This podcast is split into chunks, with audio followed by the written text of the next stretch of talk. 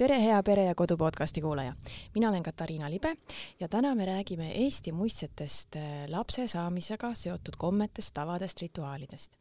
ja selleks on mulle külla tulnud Eesti Kirjandusmuuseumi Eesti folkloristika osakonna vanemteadur Reet Hiiemäe, kellega me tegelikult salvestasime juba möödunud aasta lõpus ühe podcasti aastavahetuse rituaalidest. Äh, tere tulemast tagasi, Reet! tere! Nii, äh, möödunud aasta lõpus äh, tuli siis äh, sul koos Mare Kõivaga välja raamat Maarja hein ja imevesi, mis koondab siis naisi puudutavaid rituaale, uskumusi, lugusid. kuidas teil selle raamatu vastuvõtmisega läinud on? no tundub, et vastuvõtmisel ei ole lõppu, sest neid erinevaid formaate, kuidas seda esitleda või, või mingeid vestlusringe selle kohta koostada aina tuleb juurde ja et selle koha pealt ma juba ennetasin või kahtlustasin, et see on teema, mis nagu tänapäeva maailmas ei ole kaotanud oma aktuaalsust, aga et see on ka kinnitust saanud, et äh, ei saa me ka tänapäeva asises maailmas ilma rituaalideta ja just selliste rituaalideta, mis kuidagi seda enesetunnet või eneseteadvust turgutaksid või enesekindlust sellest äh, naiselikkusest ja naiselikkuse rituaalidest räägitakse võib-olla esoteerika kontekstist hästi palju, et äh, oskad sa öelda, kui palju siis selline uus vaimsus või esoteerika on võtnud üle ka selliseid vana, vanu Eesti rituaale? näen hästi palju põimumisi, et võib tõesti olla selline väga arhailine meie enda usundi eh, teema või element ja seotud ilma igasuguse probleemita siis näiteks mingi orientaalse või kauge eksootilise usundi elemendiga. et see selline põimimine või sümbioosi tekitamine on minu arvates usundile üldse hästi omane katsetada selliseid äh, kokkupanemisi. aga kui palju tuntakse huvi meestega seotud rituaalidega või see on selline nagu mitte nii paeluv teema inimeste jaoks? E, ma arvan, et küll ta oleks ikka paeluv, aga huvitavalt äh, neid meeste rituaalide koolitusi on oluliselt vähem liikvel. mina arvan, et äh, vääriks ka sellele tähelepanu pööramist ja ka selle raamatu kontekstis ma leian, et et hästi tore oleks, kui ilmuks ka raamat meeste rituaalidest, et just tuua välja need, et mis on naiste rituaalides ainuomaselt naistele omast, aga ka seda, et mis on see ühisosa, et ju need põhilised hirmud ja ka eh, soovid kaitse järele, turvatunde järele, need on nagu mõlemal poolel ju sarnased mm. -hmm hästi, aga lähme siis nüüd ähm, nende rituaalide, uskumuste, traditsioonide juurde, mis on siis seotud ennekõike siis lapse saamise äh,, lapse eostamise, raseduse, sünnituse, imetamise, väikelapsega. Et lähekski siis täitsa alguse juurde, et äh, milliseid uskumusi oli siis selle ümber, et äh, kuidas üldse rasedaks jääda, kui näiteks seda last ei tulnud ega tulnud? Äh, siin võib vist jah, üldistusena öelda, et see meie pärimus on valdavalt sellises põhiosas suunatud edasikestmisele et seda võimalust, et ükskord inimsugu otsa saab ja rohkem ei tulegi midagi, et seda lihtsalt pärimus ei anna. ja kui me vaatame siis kas või neid sünnirituaale, et juba siis, kui laps alles vaevu on sündinud, hakatakse vaikselt ette valmistuma selleks, et ühel hetkel ta abiellub ja saab omakorda palju lapsi. Et see on midagi sellist nagu hästi automaatset, et see tsükkel muudkui keerleb ja keerleb ja igas eelmises lülis siis juba vaikselt toetatakse seda järgmist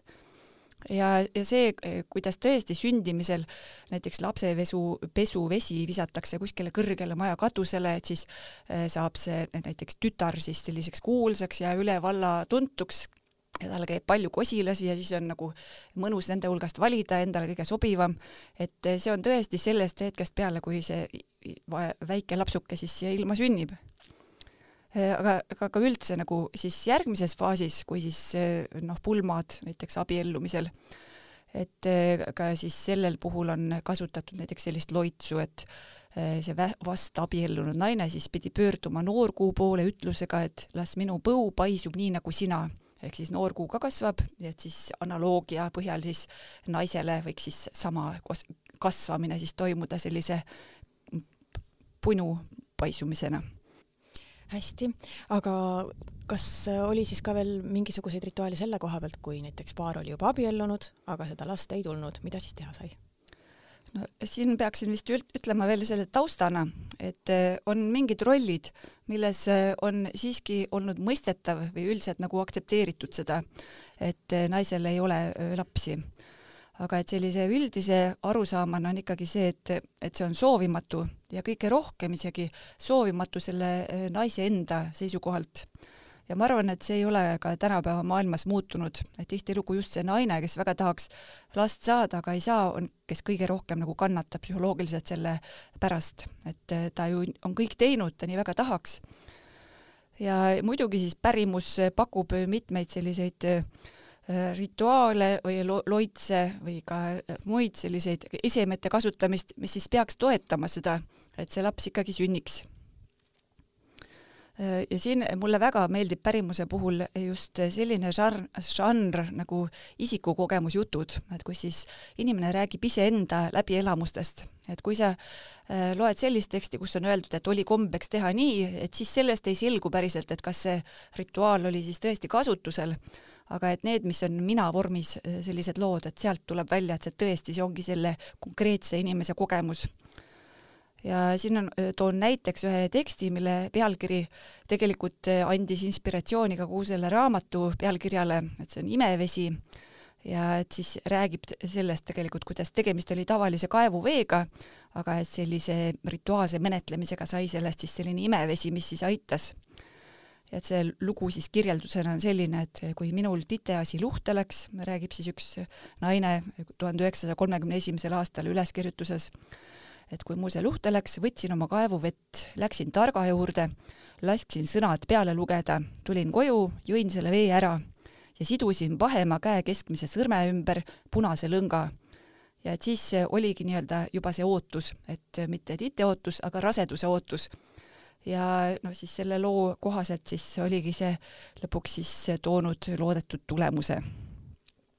mm. -hmm. see punane lõng on vist mujalt ka läbi käinud, jah? no punane lõng, juba see värvus, punane ise nii-öelda eluvärv ja see piiramine, noh, see on jällegi kaitsemaagias hästi universaalne, et sa piirad mingisugust noh, kas objekti või inimest ennast, mida sa soovid kaitsta, et siin siis ka seesama sümboolika, et see punase lõnga sidumine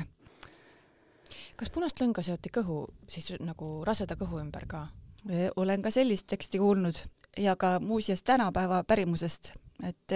kui isegi kui minnakse siis näiteks viljatusravile, et seal riiete all on see punane lõng, et see annab selle kindlama tunde mm. -hmm nii, kas on veel mingeid, mingeid uskumusi selle koha pealt, et kuidas saaks ikkagi, kuidas siis saaks rasedaks jääda? Ma arvan, et siin on isegi asjakohane tuua selline päris lai mõõde, et et tõesti kogu maailmast on pigem see suund ikkagi sellele, et et see, kui lapsed sünnivad, et see on nagu selline loomulik eluprotsess ja kui nad mingil põhjusel ei sünni, siis see on midagi anomaalset ja seda tuleks kuidagi siis suunata sellisesse tavapärasemasse voolu. et kui ma praegu mõtlen niimoodi Euroopas laiemalt, et näiteks üks väga huvitav väga huvitav. Maagiline taim on allraun. Ja ta on huvitav selle poolest, et ta on selline noh, sellistest jämedatest juurikatest koosnev ja tihtilugu näeb välja see juurikas nagu inimkuju, et sellest on arvatavasti saabunud see eh, selline maagiline eh, mõõde, et ta on justkui nagu taim, aga samal ajal oleks nagu inimene. et siis seda, eh, selle juurt on siis viljakuse tagamiseks hoitud näiteks voodi all aga kui vaadata veel siia Eesti pärimusse, et siis meil väga universaalne pihlakapuu, mis jällegi tänapäeva pärimuses ei ole kaotanud oma eh, sellist tähendust, et väga paljud inimesed istutavad ka lihtsalt kaitsepuuks kuhugi värava äärde pihlaka, aga et siis lastetuse kontekstis siis eh, pihlakakepiga eh, puudutamine või löömine ja et siin huvitaval kombel siis mõningates rituaalides lisandub veel see, et eriti siis tõhus on selline pihlakakepp, millega on kunagi rästik maha löödud ehk siis rästik on jällegi, kui hakata neid sümboleid lahti ketrama, et eh, siin igal sellel äh, sõnal peaaegu, mida ma välja toon, on oma mitmekesine sümbolite palett, et see rästik ise ka, et ühtepidi ta on mürkmadu, aga teistpidi sellise oma eluviisi ja, ja kõigega seoses on ta saanud ka surematuse sümboliks. Ehk siis siin kontekstis siis noh, et kui seda elu ei ole ja väga tahaks anda elu kellelegi, et siis kuidagi see rästik on siin selline väevahend, mis siis lisaks pihlakakepile siis lõpuks loodetakse selles äh, jah, olukorras seda lahendust tooma, toovat. Ja lisaks siis veel selline kuulus fallose sümboolika, mis paljudel juhtudel on, et selle kepid, igasugused jah, karjase kepid, maagilised kepid, et see, see tema püstine olek on samuti siis selline seostatav fallose sümboolikaga. Või siis teine selline maagiline vahend, et näiteks ka vitstest pühkimisluud, et see on kah siis sellise püstise kuju tõttu on seostatud teda selle fallose sümboolikaga ja et ka siis selle niisuguse pühkimisluuaga siis löömine või rituaalne puudutamine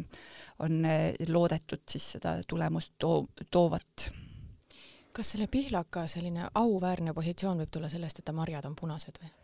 no jõuame jälle sellesama punase sümboolikani, mida ma enne juba mainisin, et see punane iseendast elu selline värv ja siis see pihlaku oks, lisaks veel siis selline jälle sümboolika, et eluoks, et ta võib olla täiesti kuivanud raag, aga ometi ta on kunagi olnud see elus puu, kõrge vägev puu, mis siis kannab seda eluoksa väge justkui edaspidi. aga ma arvan, et siin on asjakohane ka vahele öelda, et, et ma küll osutan hästi paljudele sümbolitele, aga et ei saa nagu eeldada, et see selline äh, Äh, siis ütleme, vanade aegade inimene äh, neid absoluutselt kõiki sümbolkihte igas hetkes nii-öelda teadvustas. et see võis olla inimeseti väga erinev, nagu ka arvatavasti tänapäeval et eh, see on siis lõpuks see folklorist, kes püüab need kihid kõik välja tuua ja analüüsida, aga et see, kui palju konkreetne inimene seda tolles hetkes teadvustab, et eh, palju võis olla ka sellist automaatkäitumist, et lihtsalt minu vanaema juba tegi nii ja mina teen samamoodi, et sellise konkreetse matkimise põhjal. no nagu tänapäeval on see kolm korda üle õla sülitamine näiteks. et ega, ega me keegi ei mäleta, kust see tuli no seda jällegi tänapäeva eh, sellistest üleskirjutustest või ka intervjuudest ma olen kuulnud küll seda pärimusliini väljatoomist, et et minu vanaema juba tegi ja et mina olen ka hakanud tegema ega ma sellesse nüüd nii väga ei usu, aga kui ei tee, siis on nagu selline tunne, et oleks nagu midagi tegemata jäänud. et kui midagi halba juhtub, siis sa võid sellest olla süüdi? Eh, jah, see on ka hästi laialt pärimuses üldse sees et keegi on alati nagu süüdi, et on alati võimalik õige käitumine ja vale käitumine. Ja kui sa käitud siis valesti, siis juhtuvad mingid äpardused, ebaõnn ja kui sa saad aru, et mis see valesti oli ja muudad seda või ka suhtumist näiteks kellessegi, et sa oled kellelegi liiga teinud ja siis muudad seda, et siis eh, on kõik eh, pöörded võimalikud. Sai öeldud, et, et see oli nagu anomaalia, kui, kui seda last ei tulnud mida siis mis põhjuseid sellel anomaalial arvati olevat, et kas seal oli mingi needus taga või? põhjuseid on seletatud ka üpris seinast seina, et eh, on tõesti ka needust mainitud või kuri silm, et eh, näiteks eh, kui abiellus siis naine mehega, aga mehel oli varem mingi pruut, keda siis ei võetud, et siis tema võib-olla paha silma või paha sõna tõttu aga on seostatud ka näiteks vähese elujõuga, et see naise kas tervis ei olnud hea, lihtsalt oli vähe elujõudu. Ja et, et kust seda jõudu saada, et siis äh, ka huvitav selline võimalus oli see, et tuleb pöörduda selliste hästi jõuliste maskuliinsete esemete poole. Ja et siis ka nendes äh, viljakusrituaalides näiteks meeste pükstega löömine või siis härjapiitsaga niimoodi rituaalne löömine, et see noh, härg siis jällegi selline jõuline vägev loom ja et see ülekanne nagu, et see mingi maskuliinne tohutu vägi siis kandub ja paneb siis eh, loomulikul teel siis need ka naiselikud asjad liikuma. aga kui siis rasedaks oli juba jäädud, kas oli mingeid rituaale selles osas, et kuidas nüüd kõik hästi läheks ja kuidas see rasedus ikka säiliks ja laps ilusti kasvaks? no seal on muidugi tohutu eh, jah, reglement jälle, mis ka tänapäeval, eh, kui vaatame eh, iga naine arvatavasti, kes on kunagi last kandnud, on kuulnud oma mingitelt sugulastelt, et ära sa nüüd seda tee ega seda tee või ära seda söö või just seda söö, et siin on ilmselgelt tajuti seda, et see on siiski mõnevõrra eriline seisund ka naisele endale harjumiseks, et äh, ma arvan, et iga naine on ikkagi tundnud, et mõnel võib see füüsiliselt küll hästi kergelt minna, et ta ei kannata nagu selliseid füüsilisi vaevusi, aga üleüldse see teadmine, et, et minu äh, peal on nii suur vastutus, et mina olen see eluandja, et see vajab ikkagi kohanemist. Ja noh, hästi loogiline on see jällegi hästi universaalne, et rasket füüsilist tööd siis ei tohi teha aga siin on naljakas minu meelest see, et et kui me vaatame seda, millist tööd siis vanal ajal rasedad tegid, siis meie praeguse nägemuse järgi on see täiesti üle mõistuse raske füüsiline töö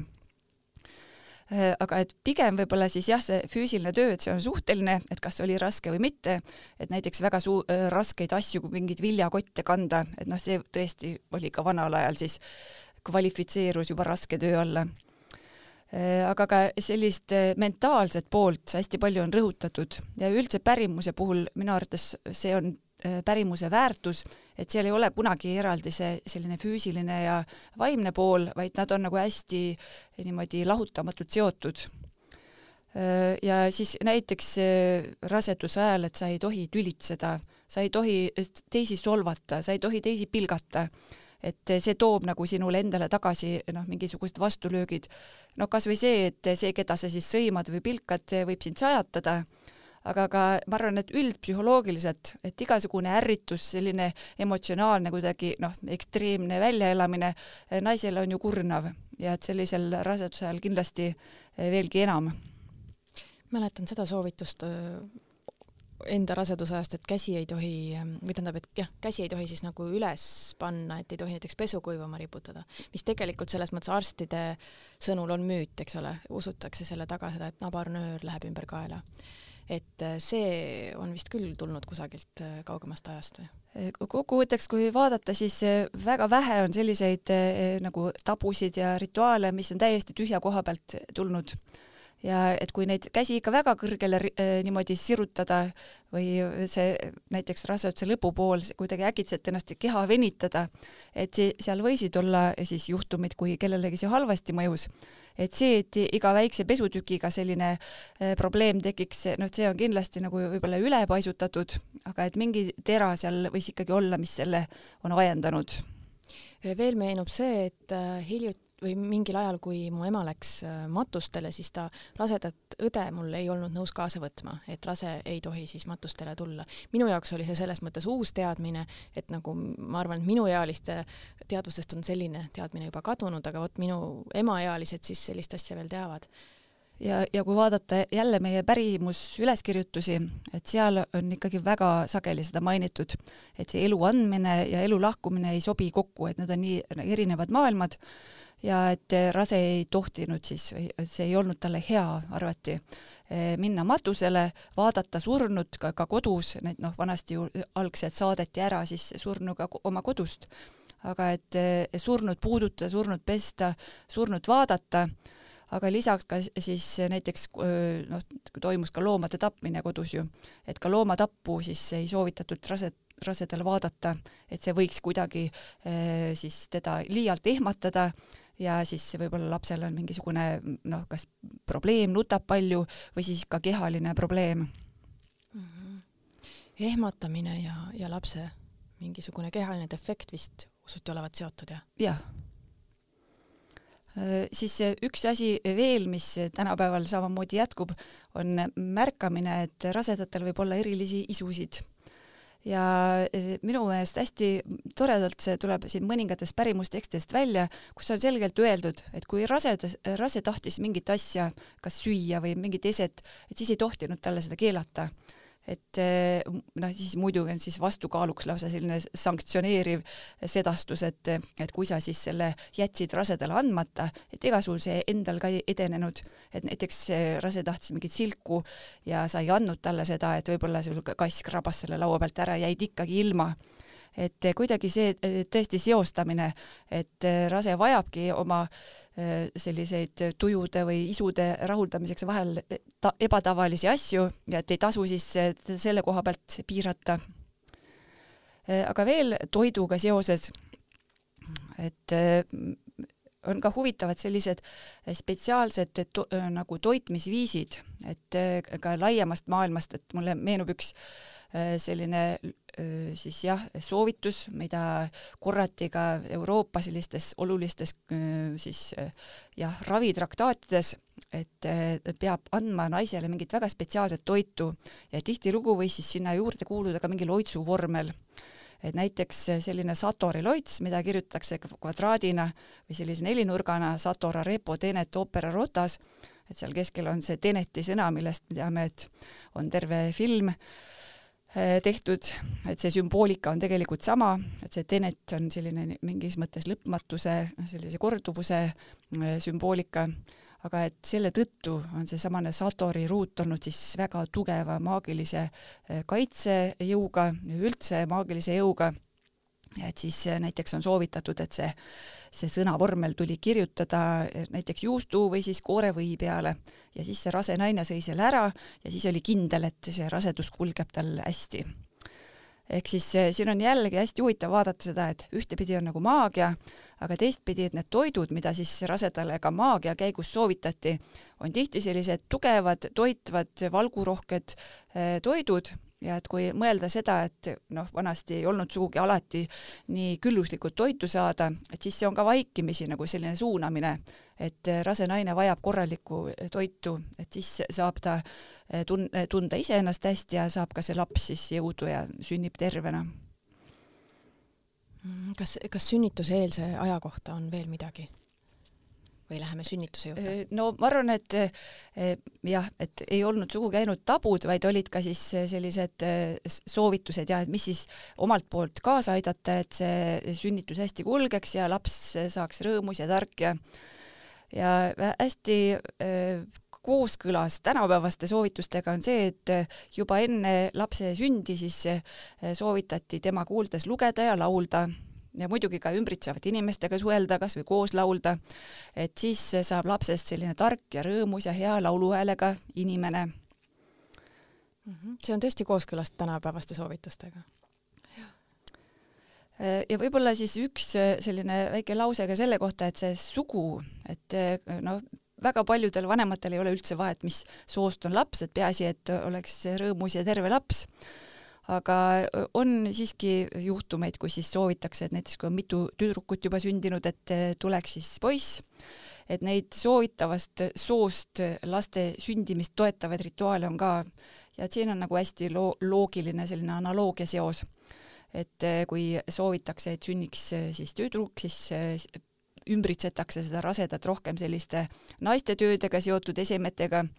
ja väidetavalt siis ka juba, kui see naine on lapse ootel, et siis see mõjutab veel sobivas suunas. või et kui siis soovitakse poissi, et siis kas või see ader või äke sinna tuppa tassida, et see oletatavalt siis äh, suunab seda sobivas suunas. aga siin on jällegi see, et noh, ilmselgelt see ei tarvitsenud aidata, kui see naine on ju, oli juba eostunud ja et tassi seda äket palju tassid, et sünnib ikkagi see, kes sünnib aga et eh, see seostamine, et, et ka saatus on aktsepteeritav eh, nii-öelda eh, faktor, et kui sa olid kõik oma rituaalid ära teinud, siis sa said nagu puhta südamega tunda, et aga mina olen ju omalt poolt kõik teinud ja kui ikka veel ei aita, et siis järelikult oli saatus ja et selle vastu ei ole nagu, ei ole võimalik kaubelda. ehk siis selline eneselohutuskomponent on ka seal tihtilugu sees mm. -hmm. ma arvan, et see on ka tänapäeva, tänapäevastele inimestele, inimeste mõtlemisele omane. et vähemalt mina olen omalt poolt kõik teinud ja,. jah, jah, ja see tundub mulle psühholoogiliselt väga arusaadav, et rohkem ei saa ju inimeselt nõuda mm. -hmm. aga kui me läheme nüüd sünnituse juurde, siis äh, kuidas, kuidas üldse sünnitus välja nägi? no esimese asjana ütlen jälle ka siinkohal, nagu ma alguses ütlesin, et nii kui laps sündis, hakati teda juba vaikselt valmistama selleks, et ta ükskord emaks saaks ja et ka siis, äh, siis pulmades. Ja et üks selline tore rituaali kirjeldus on sellest, et kuidas siis mees ja naine siis abiellusid ja õpetaja siis äh, viis neid ümber kantsli kirikus ja, ja siis naine astus iga ringi peal äh, mehele varba peale. Ja mees mõtles, et noh, et äkki tahab naine talle midagi märku anda, astus ligemale, vaatas, et ei, ei ole nagu mingit juttu tulemas aga et see oli siis väga teadlik rituaal, sest et kui see naine siis lõpuks rasedaks jäi, siis iga kord, kui siis rasedus oli, kogu raseduse ajal mees tundis ennast halvasti. Ja siis lõpuks oli naisel viis last ja iga kord oli mees selline, kes kuidagi ajas iiveldama ja oli, noh, oli temal midagi häda, aga naisel oli nii selle raseduse ajal kui sünnitamise ajal kerge et eh, siin on, mulle tundub, et see on väga demokraatlik, et päris mitmed need rituaalid on sellele suunatud, et seda vaeva nagu jagada, et see on ju, ema ja isa on mõlemad võrdsed osalised, et las siis see mees võtab osa seda vaeva enda peale mm. -hmm. see oleks väga tore, kui mehel ka võiks iiveldada naise asemel vahepeal aga jah, et sünnitusega üldse jällegi selline nagu pidevalt äh, suund sellele, et kõik oleks kaitstud, et äh, kõik on tehtud enda poolt, et see, see ei saa ebaõnnestuda, et kindlasti siis psühholoogiliselt valmistas siis ette seda noh, vähemalt esimese sünnituse puhul eriti sellist noh, seni tundmatut maailma, et kuidas see sünnitus peaks toimuma ja mida ma juba enne ütlesin, et sellised maskuliinsed, jõulised metallist esemed, et neile on siis omistatud sellist tugevat kaitsemõju, et äh, näiteks äh, ma kujutan isegi visuaalselt ette, et kuidas siis hakkas lähenema see sünnitus ja siis hakata kuh-, kuhjama sinna voodi äärde ja nurkadesse, noh siis küll on öeldud, et õlgede alla, et kui õlgedest oli siis selline ase tehtud aga et nii kirveid kui pussnuge kui lambaraudu, et need siis aitavad ära ühtepidi selle, et noh, et vanapagan ei tule seda last ära vahetama ja teistpidi vähendavad valu või sellist ebaõnnestumise või mingit probleemide ohtu. ja sünnitati saunas, eks ole? No see on jälle väga praktilisest vajadusest eh, tingitud, et kõige sagedamini mainitakse sauna, et esiteks sai seal sooja vett teha Äh, teiseks, kui peres oli juba noh, olid kõik seal sulased ja juba äh, nagu vanemad õed-vennad, et siis oli vajadus lihtsalt ka äh, natuke kõrvalisse kohta minna. aga on päris mitmeid kirjeldusi ka selle kohta, et sünnitati laudas, näiteks lambalaudas ja sellised, ma ütleks, väga muljetavaldavad tekstid on sellest, kuidas siis naine läks sinna lehmalauta, ütles, et ma lähen lüpsma ja lüpsis ära selle lehma ja siis pärast kiirelt sünnitas ära, mähkis oma lapse ära ja siis tuli tagasi juba, ütles, et oi, laudas oli üks laps. et eh, seal vanematele lastele tingimata ei hakatud neid nüansse seletama, et kuidas see laps saadi. et näed, leidsin ühe lapse ja siin ma tulingi. et ehk siis eh, naine võis ka ise selle sünnituse vastu võtta aga sagedasem on ikkagi see, et, et seal olid juures mingid vanemad sugulased, et kes siis olid juba olnud sünnituse juures, kas oma sugulased või siis mõni selline teadja, äh, vastuvõtja, niisugune ämmamoor, kes oligi küla pealt tuntud, et ta oskab seda eriti hästi, oskab õigesti masseerida, et siis äh, valu vähendada, et see käiks sujuvalt tänapäeval on äh, tekkinud selline uus trend siis äh, platsentat alles hoida ja seda süüa ja samamoodi siis lapsel seda nabanööri mitte ära lõigata, vaid lasta tal otsast siis nüüd, kuidas öelda, kärbuda või? kas selle kohta on ka mingisuguseid seda ütlevad küll mitmedki värimustekstid, et platsentat ei jäetud niisama ripakile, vaid seal olid nagu oma rituaalid, et noh ka, et esiteks, et ta üldse ära tuleks, et noh, nagu naise kehasse ei jääks midagi sinna mingit põletikku tekitama, aga et see platsenta võidi siis äh, eraldi kaevata näiteks kuhugi äh, noh, mingisuguse õunapuu alla, et see, seal on jällegi seos, et noh, see õunapuu omakorda viljakandev puu, et siis selline elujõud ja viljakus aga mõnel juhul on mainitud ka näiteks, et viidi sellise laka peale ja pandi kuhugi sinna, noh siis tihtilugu oli laka noh, nagu põrandad kaetud liivaga, et sinna kuhugi liiva sisse võidi maet-, matta, et eks ta siis lõpuks mumifitseerus seal ära. Aga et selline eriline nagu lähenemine ikkagi, et see ei ole niisama, et vabaned temast, vaid et see on ikkagi ka vajab rituaalset tähelepanu aga söömise kohta, platsenta söömise kohta ei ole midagi? Äh, selle söömise kohta ei meenu mulle küll praegu, et ma oleksin lugenud meie vanemast pärimusest mm. -hmm. nii, aga nabanöör ikkagi lõigati kõikides nendes äh, tekstides ära, et seda, et nabanöör jäeti lapse külge, siis seda äh, nendes vanemates tekstis ei ole või? Ma arvan, et seda ei ole paljudel juhtudel peetud vajalikuks detailides välja tuua mm., et on mainitud lõikamist, aga seda, et kas ta siis spetsiaalselt jäeti, et seda ma praegu ühtegi teksti niimoodi esile ei oska tuua, et kui väga süsteemselt loeks, siis võimalik, et leiaks mm. -hmm. sa mainisid enne seda vanapagana poolt lapse äravahetamist, seda on ka paljudes muinasjuttudes, eks ole, seda mm -hmm. teemat, et, et kui palju seda usuti või palju kardeti? No siin on jälle huvitav vaadata, et mis oli selle algpõhjus, et miks see uskumus tekkis. Ja ma ise olen seostanud seda siis äh,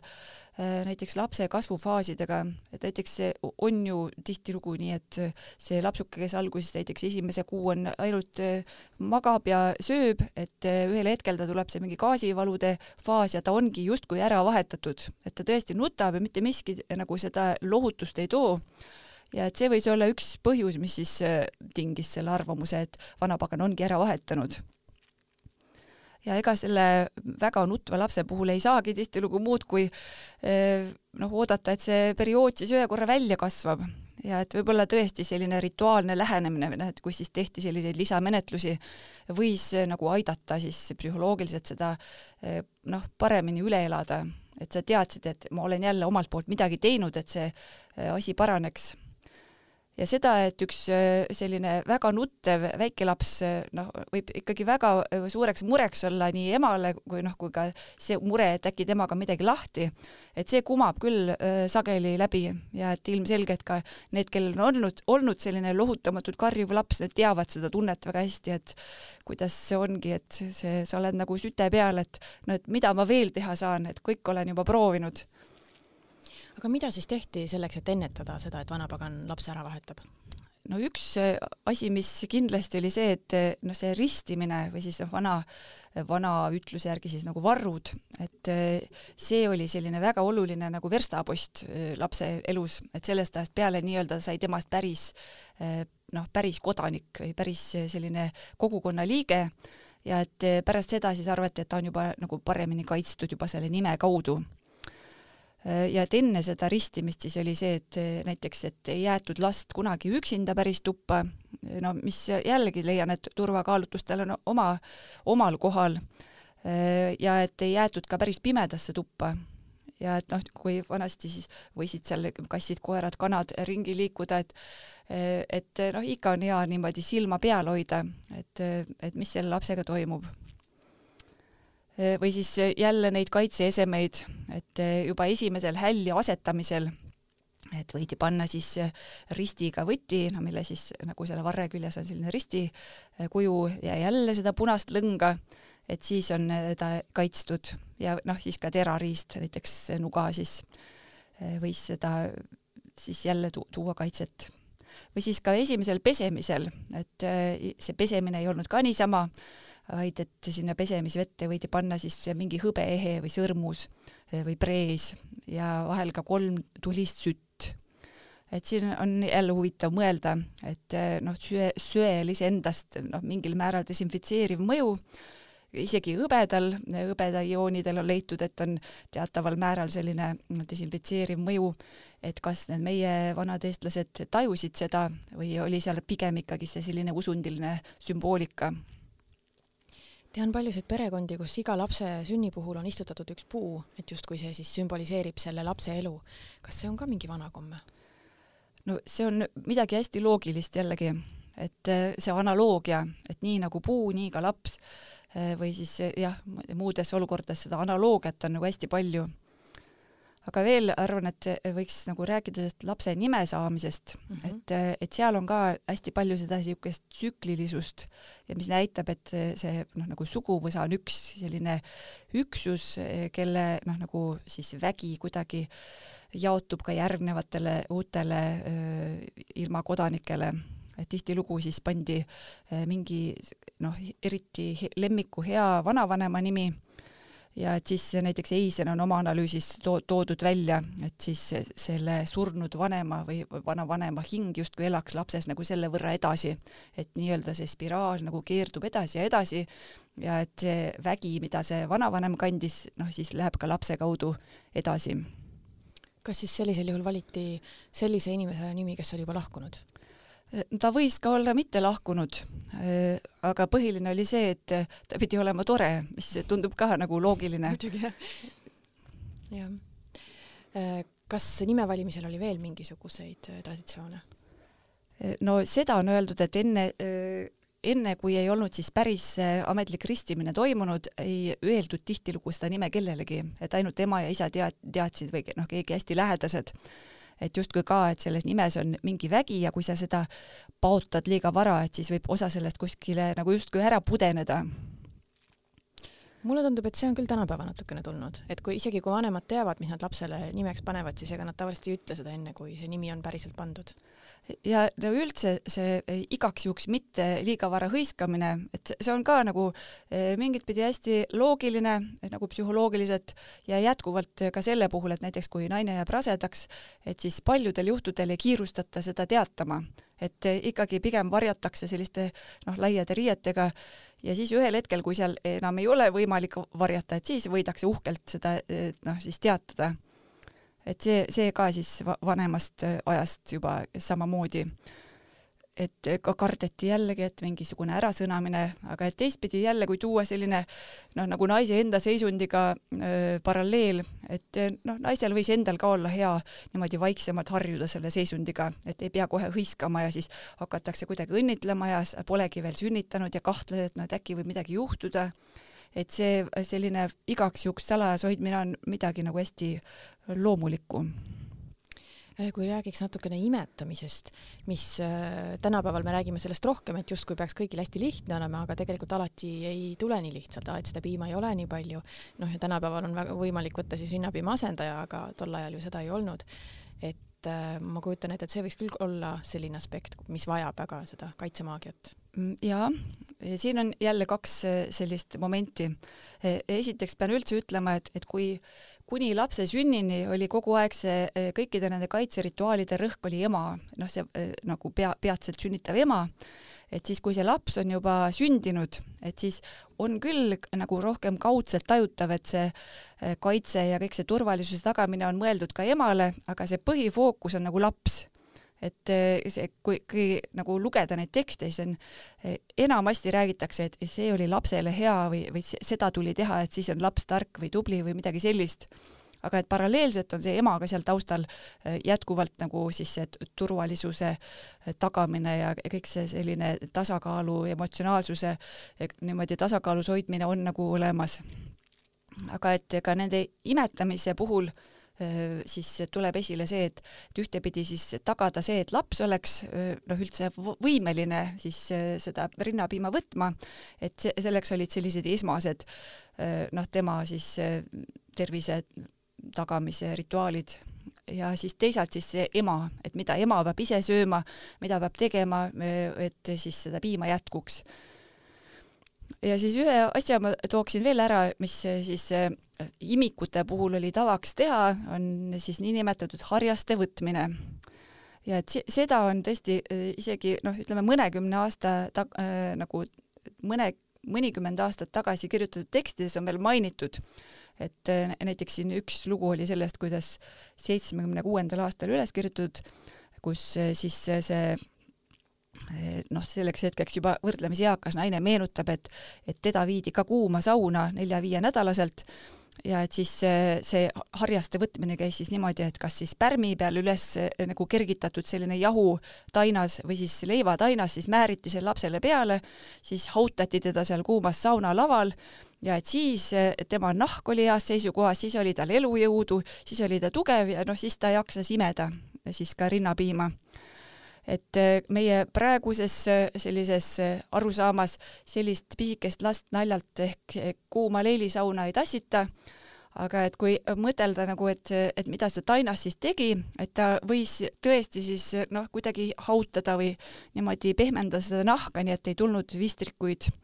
ja et siin mitmeski tekstis on öeldud ka, et see pidi siis vältima seda, et see nahk kuidagi lõheneb või, või tuleksid vistrikud, et on hästi selline siidine et see oli siis ühelt poolt, et see imik oleks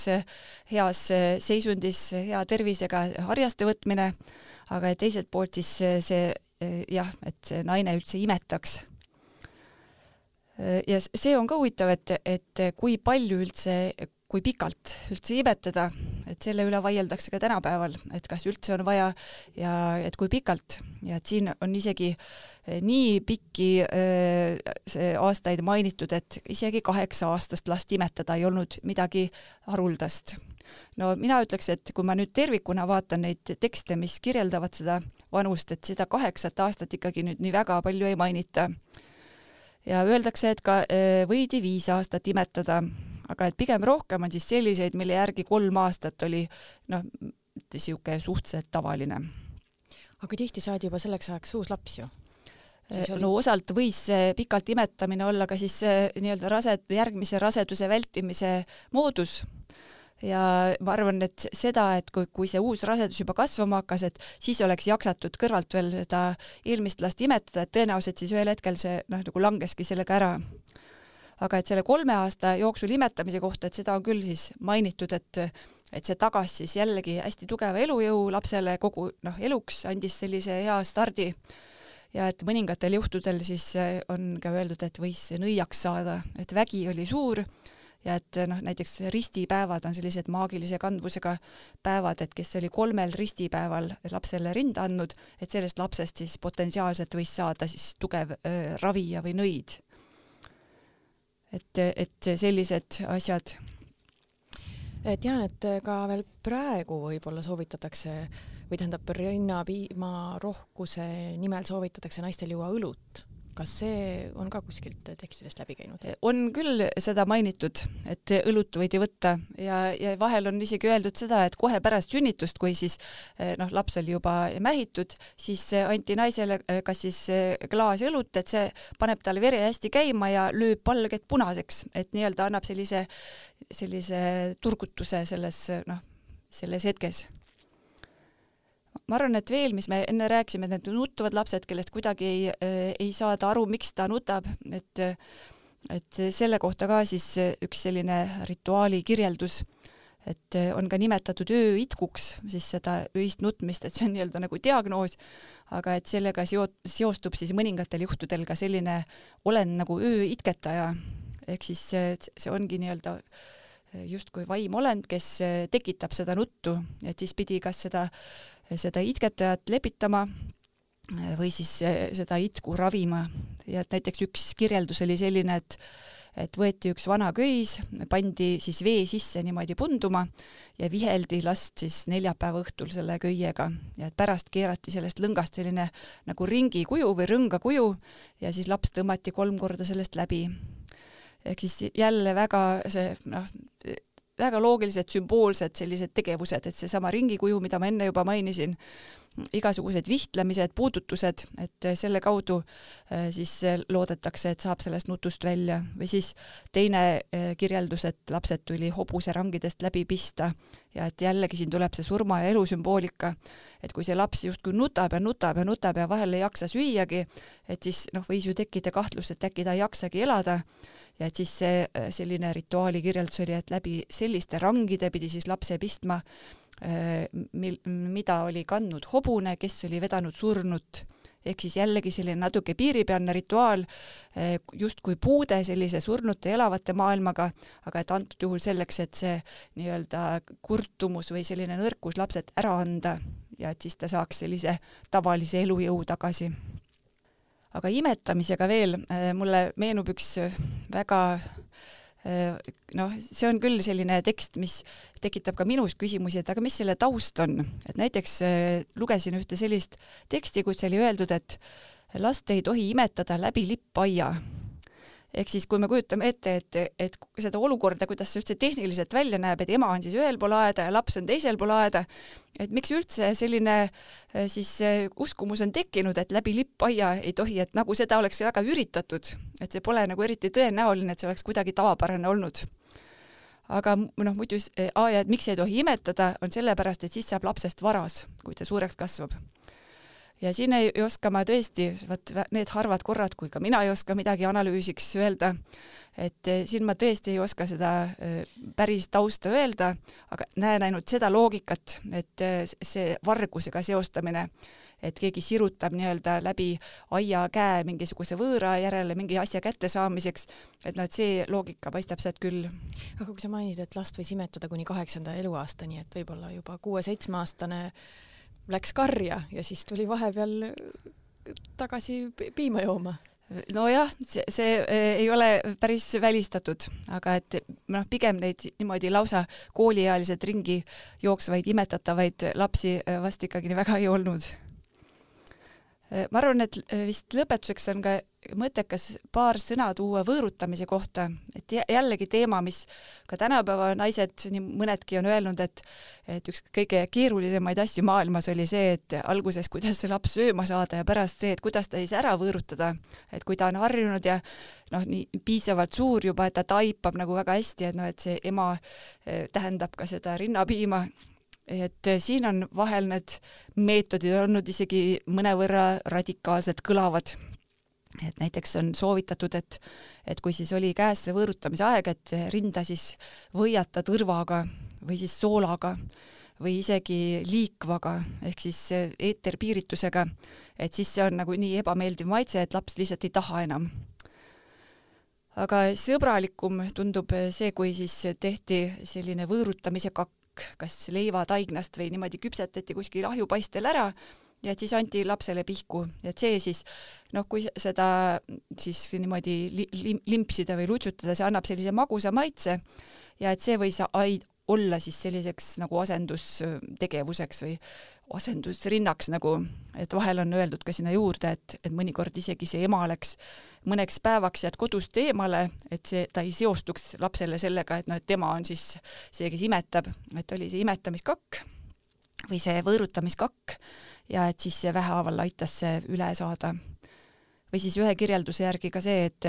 et sellel päeval, kui siis oli see lõplik võõrutamine, et see oli ka nagu initsiatsioon või selline nagu ülemineku rituaal uude siis etappi, et nii ema kui laps siis said uued riided, panid selga uued riided ja siis lauale võidi panda ka siis kristlik lauluraamat, et see siis justkui ka nagu pühitses seda, siis seda kakku ja justkui nagu ka uut faasi elus kui me nüüd lähemegi siis lõpetuseks tagasi selle raamatu juurde, millest me alguses rääkisime, äh, siis mind huvitakski just äh, mi-, mingid initsiatsiooniriitused, mis Eesti kultuuris on olnud, mis tähistaksid täiskasvanuks saamist naiste puhul. et kas meil on midagi sellist olnud? no ühena võiks tuua välja siis näiteks Setu piirkonna paabapraasniku, kus seal olidki oodatud sinna just eelkõige need naised, kes olid